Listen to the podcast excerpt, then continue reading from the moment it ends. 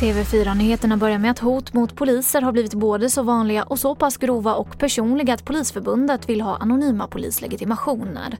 TV4-nyheterna har kommit åt filmat material som visar hur utsatta poliserna är.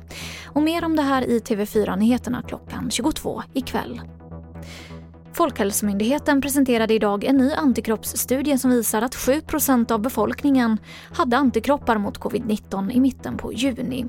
I Stockholmsförorterna Rinkeby och Kista hade 18% antikroppar. Samtidigt visar en annan nationell undersökning att ingen av totalt 2 500 personer som testats hade en pågående covid-19-infektion. Statens coronapott till vården på 5 miljarder kronor kommer inte att räcka till. Hittills har coronavården kostat landets kommuner och regioner över 11 miljarder kronor. Men finansminister Magdalena Andersson säger till SR att det är för sådana här exceptionella lägen vi sparat i ladorna under de goda åren. Och det är allt fler unga tjejer i Stockholm som tvingas till sex. Det här visar en enkätundersökning som Stockholms stad har gjort enligt SVT. Bland de som går andra året på gymnasiet så svarade 8% att de tvingats till sex.